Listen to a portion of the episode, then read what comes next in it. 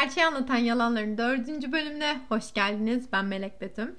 Bazı problemlerden dolayı geçen haftaki bölümü yayınlayamadım. O yüzden mini dinleyici kitlemden özür diliyorum. Ve dördüncü bölümümüzün konusuna geçiyoruz. Hiç düşündünüz mü? En tanınan sanat eseri hangisi? Mona Lisa mı? Adem'in yaratılışı mı? Devasa Davut heykeli mi? Ya da düşünen adam mı? Hani Bakırköy Ruh ve Sinir Hastalıkları Hastanesi'nin bahçesinde de bir kopyası var. Bence bu sorunun bir cevabı yok. Bu anlattığımız sanat eserlerini çoğu insan zaten tanıyor ve biliyor. Bugünkü konuğumuz da Auguste Rodin, Düşünen Adam heykelinin sahibi. Sahibi mi denir? Eserin sahibidir doğru. Sahibi.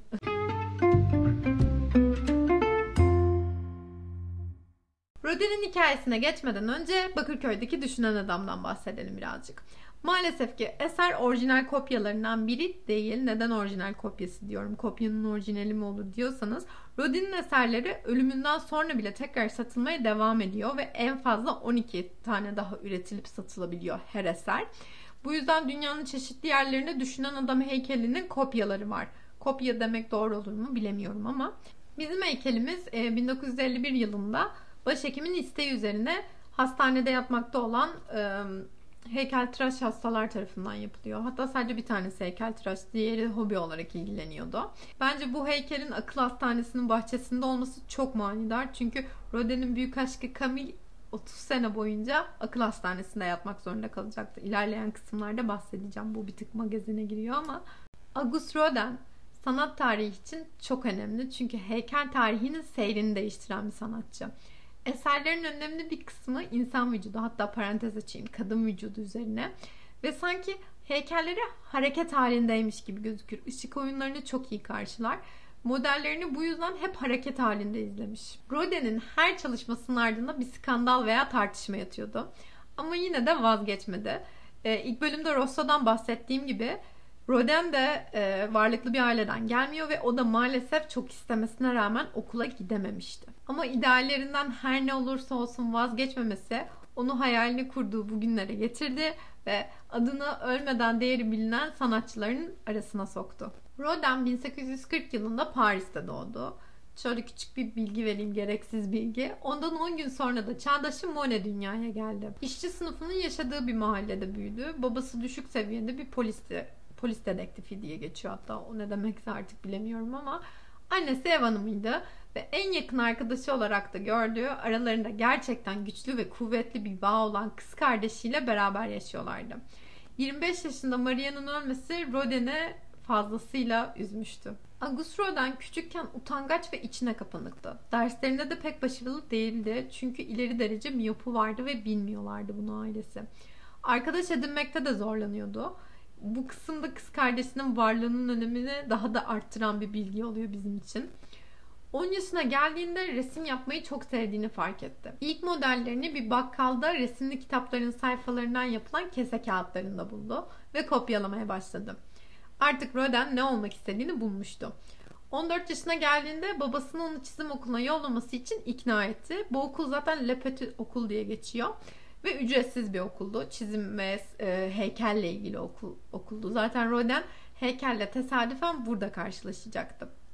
Babası biraz, birazcık daha olumlu bakıyordu bu durum. Onu cesaretlendiriyordu ama annesi için sanat dünyası bilinmeyen bir dünyaydı ve çocuğunun daha güvenli bir yol seçmesini, e, kilise okuluna gitmesini tercih ederdi.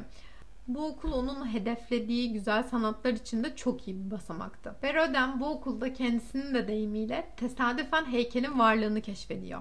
Bir gün sınıflardan birisinin kapısı açıkken Rodin Kili ile uğraşan öğrencileri görüyor. Bu onun için bir devrimdi. Kili ilk gördüğünde kendini cennete gitmiş gibi hissettiğini söyler Rodin. Ayak, kol, baş gibi ayrı parçalar yapmaya başlamış hemen orada. 16 yaşına geldiğinde tek bir hırsı vardı. Güzel sanatlara kabul olmak. Kendini çoktan modern Michelangelo olarak görmeye başlamıştı bile ve okula kabul edileceğinden %100 emindi. Heykeltıraşlık için harika bir başlangıç noktasıydı. En iyi öğretmenlerden ders alacaktı. Mezun olduğunda ismi zaten duyulmuş olacaktı ve salonda eserlerini çok daha rahat sergileyecekti. Rodin için şöhret çok önemliydi ve sürekli bunun hayalini kuruyordu.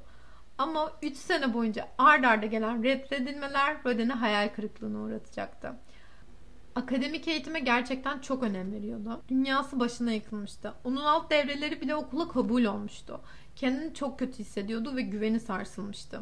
22 yaşına geldiğinde şüphesiz hayatının en kötü dönemi olarak adlandırılacak bir dönem bu. Okuldan red yemişti ve hayattaki en yakın arkadaşı kız kardeşini kaybetmişti. Roden heykeli bırakma kararı aldı. Ailesinin evinin yakınında bulunan bir Katolik tarikata katıldı. Şanslıydı çünkü oradaki diğer insanlar heykele geri dönmesi konusunda onu yüreklendirdi ve Roden Paris'e taşındı. 23 yaşına geldiğinde artık para kazanmak zorundaydı ve akademi olmadan adının duyurması, işlerini satması çok zordu. Başka sanatçılar için çalışmaya karar verdi. Uzun ve zorlu bir yol seçti. Başka bir şansı da yoktu zaten. Ee, halka açık binalarda dekoratör olarak çalışmaya başladı. Binalar için heykeller yapıyordu. Bir yandan da başka stüdyolarda başka heykeltıraşları için çalışıyordu. Ama bu zorlu bir yoldu dediğim gibi az önce. Çünkü insanlarla sürekli tartışma halindeydi, mücadele halindeydi ve hayatı ikiye bölünmüş gibiydi. Gündüzleri para kazanmak için çalışıyordu, akşamları da kendi için çalışıyordu, kendini geliştirmek için. 24 yaşına geldiğinde Rosemary ile tanıştı. Ömür boyu hayat arkadaşı olacaktı Roden'e ve tüm sevgisini, benliğini karşılıksız bir biçimde sunacaktı ona. Roden ise sadece vefası ve Rosa her seferinde geri dönerek borcunu ödeyecekti. Mahallelerinde yaşayan bir terziydi ve Roden için modellik yapıyordu. Bu şekilde tanışmışlardı. İyi bir eğitimi yoktu. Bir taşra kızıydı. Aynı sene Roden ve Rose'un bir erkek bebekleri oluyor.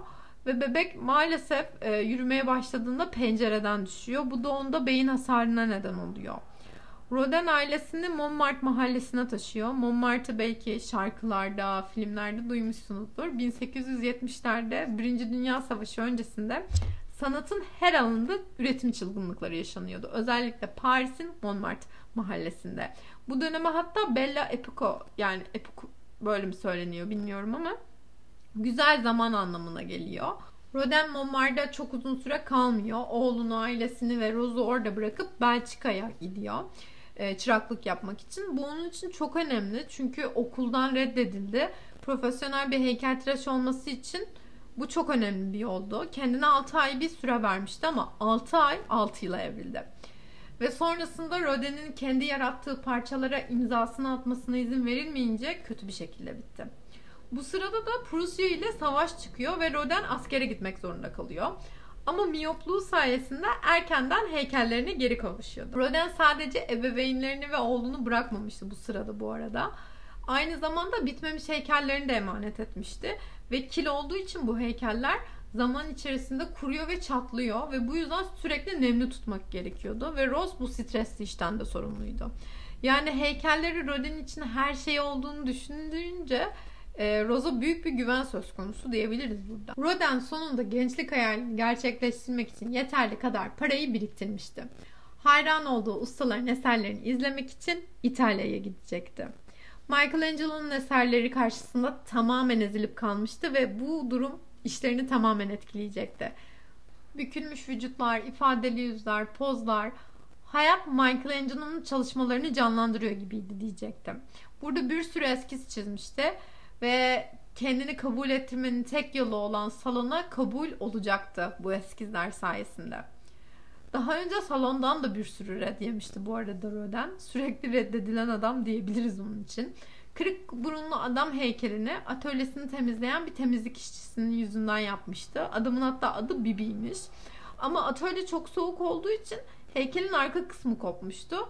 Ama Rodin yine de salona maske halinde teslim etmişti bu eseri. Fakat jüri bunu çok bölük pörçük olduğu için reddetmişti. Bu ilk reddedilen eseri. Rodin sonrasında tekrardan bu kırık burunlu adamın he- heykelini mermerden oyacaktı. Ee, bu arada şöyle yazmışlar internette. Rodin'in akademik kariyerden neden nefret ettiğinin sebeplerinden biri de bu eserinin reddedilmesi. Rodin'in kabul olma hırsının da verdiği gazla salonu tekrar kabul ettirecek eserin üzerinde yoğunlaşmaya başlıyor. Modeli eski bir Belçikalı asker. 18 ay boyunca Rodin'e poz verecek. 37 yaşına geldiğinde Rodin eserini sunuyor sonunda. Bronz çağı eleştirilere hazırdır.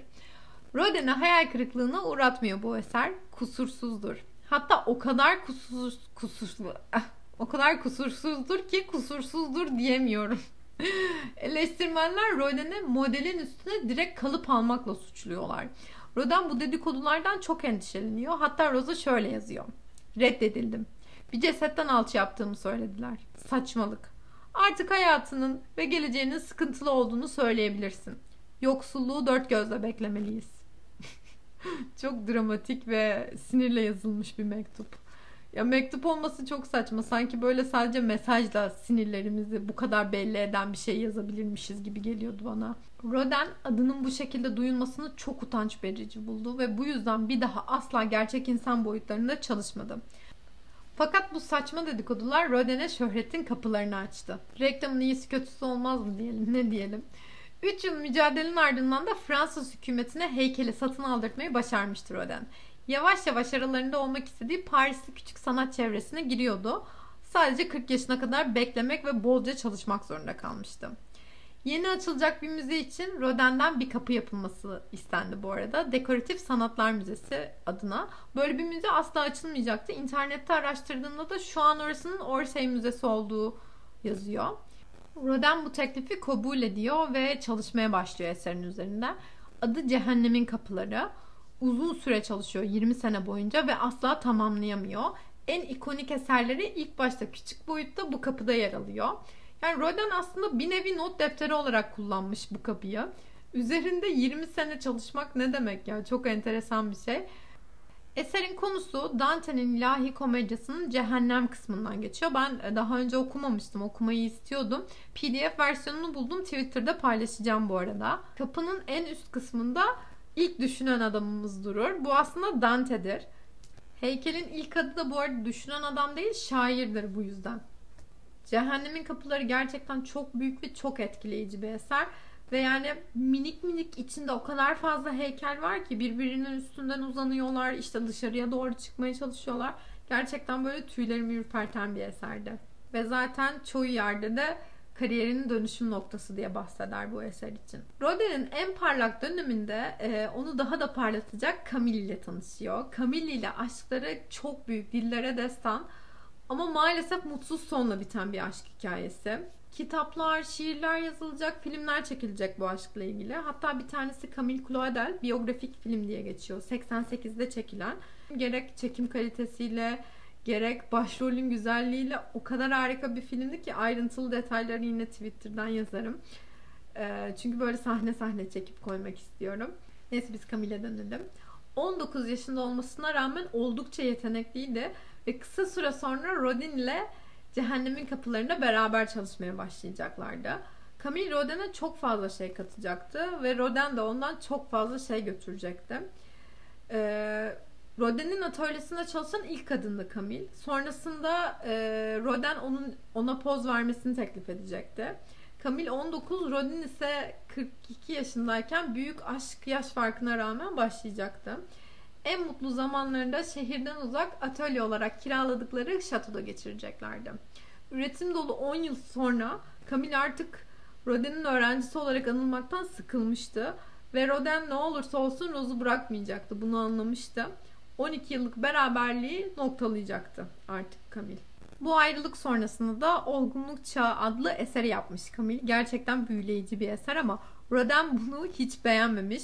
Çünkü beni bir kukla gibi göstermişsin demiş. Heykelden şöyle bahsedeyim Twitter'da zaten yayınlayacağım. Diz çöken bir kadın var ve ondan başka bir kadın tarafından uçan bir kadın gibi sanki sürüklenen bir adam var ama adam kafası arkada diz çöken kadına bakıyor. Ee, ya şimdi bunun Camille, Rodin ve Rose üçgeni olduğunu söylemeye tabii ki de gerek yok. Ben böyle şeyleri, ilişkileri, ressamların ilişkilerini, özel hayatlarını irdelemeyi çok seviyorum. Bir arkadaşım hatta bana demişti ki sen sanat tarihiyle ilgilenmiyorsun, magazinle ilgileniyorsun. Ama ben böyle düşünmüyorum. Çünkü bir eseri anlamak için eserler çok kişisel şeyler olduğu için arkasında yatan hikaye magazinsel veya değil bunu mutlaka öğrenmek gerekiyor ve ben cidden e, ressamların hayat öykülerini okumayı çok seviyorum. Yani bir tanesi bile beni şaşırtmayacak sıkıcı bir detay vermiyor açıkçası. Neyse devam edelim. Olgunluk Çağı diyorduk. Olgunluk Çağı şu an Rodin Müzesi'nde sergileniyor Paris'te olan. Camille Rodin'in tüm kızmalarına rağmen yine de sergilemiş bu eseri. İyi ki de sergilemiş. Çünkü Camille sonrasında ruhsal bunalımları yüzünden kendi heykellerini de yok etmeye başlayacak ve bu yüzden günümüze çok az eser kalmış ama bu kalan az eserlerle bile Camille'in ne kadar usta olduğunu görüyoruz. Rodin zaten Camille'i aslında destek olmaya çalışıyor diye söylüyor kimi yerlerde. Ama Camille sürekli Rodin'in onu sabote etmeye çalıştığını düşünüyor. Hatta eserlerini almayan insanları bile size Rodin mi almayın dedi diye böyle darlıyor. Enteresan bir ruh haline giriyor ve e, abisi de bir diplomat. Bunu çok utanç verici buluyor. Ve 30 sene boyunca Camille'i akıl hastanesine kapatıyorlar. E, benim izlediğim filmde, ilk izlediğim filmde böyle bir şeyden bahsetmiyor. Camille Rodin'in tanışma hikayesinden, işte onların nasıl beraber olmaya başladıklarından ve Camille'in e, erken dönem delirmesinden bahsediyor. Sonrasında dönem içinde Camille 1915 diye bir film var. Onu henüz izlemedim. Ona da mutlaka bakacağım. Camille'in akıl hastanesinde yattığı dönemi anlatıyorlar. Rodin'e geri dönebiliriz. 53 yaşına geldiğinde Rodin artık hedeflediğine kavuşmuştu. Ama onu bekleyen başka bir skandal vardı. Balzac heykeli. Edebiyat Komisyonu Rodin'den bir heykel istiyor ve 18 ay veriyorlar heykeli tamamlaması için. Ama Rodin'in sadece araştırmaları 6 sene sürüyor. 7 sene sonra eseri teslim ettiğinde hiç kimse eseri beğenmiyor. Çok ağır eleştiriliyor. Paris'te salonda sergilendiğinde de eseri bir kutup ayısına benzetiyorlar. Oysa ki Rodin sadece bazıya benzeyen bir modeli bulmak için bile aylarca uğraşmıştı. Heykel için herhangi bir ödeme almıyor ve bahçesine dikiyor. Ama bu kötü haberleri de kendi başarısıyla gölgelemek istiyordu. Bu yüzden de aklına harika bir fikir geldi. Paris'te dünya fuarı oluyordu. Hatta bu e, uluslararası bir sergi Eyfel Kulesi de bu yüzden dikilmişti. 15 milyon ziyaretçi geliyordu Paris'e. Kendine banker bir sponsor buldu ve fuar alanına çok yakın bir sergi açtı. Yüzden fazla eserini sergileyeceği solu bir sergi oldu bu. Sadece beyaz eserlerini sergiledi. E, atmosferli tezat oluştursun diye. Çünkü kalabalık siyahlık olacak oluşturacaktı. Ee, ve bu olaydan sonra da bu sergiden sonra da artık ünlü dünya çapına yayıldı. Zengin Amerikalı ve İngiliz leydiler Rodin'e büstleri için sipariş yağdırıyordu. Dünyanın her yerinde sergilenmeye başlamıştı eserleri. 63 yaşına geldiğinde de hayalini kurduğu üne ve çevreye artık tamamen kavuşmuştu. 50 tane adam onun için çalışıyordu ve artık majör işlerini yapmıyordu. Aynı eserleri farklı materyallerden üretip e, satıyorlardı. Her eserinden en fazla 12 adet satılabileceğini zaten daha önce ilk başta da söylemiştim. Bu yüzden de dünyanın çeşitli yerlerinde işte düşünen adam heykelleri, Dikis heykeli. Ben ilk başta gördüğümde anlamamıştım. Yani sürekli bunu mu yapıyor diye düşünmüştüm ama araştırınca farklı bir e, üretim üretme metodu. Bununla da ilgili bir video paylaşırım. Çünkü anlatınca birazcık anlamsız oluyor göstermeden. E, farklı bir üretim metodu bulmuştu. Yani endüstriyel üretime geçmiştir Rodin ta o zamanlar. Ee, bu arada da çok sevdiği ve sürekli odalar kiraladığı oteli de kendi adına bir müzeye çevirmeye başarmıştı. Ve ölmeden 7 sene 7 gün önce 7 sene de değil Rosta ile evlendi. 53 yıl sonra.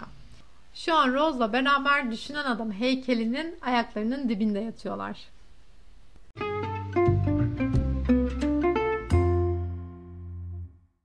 Dinlediğiniz için çok teşekkür ederim. Önümüzdeki bölüm görüşmek üzere.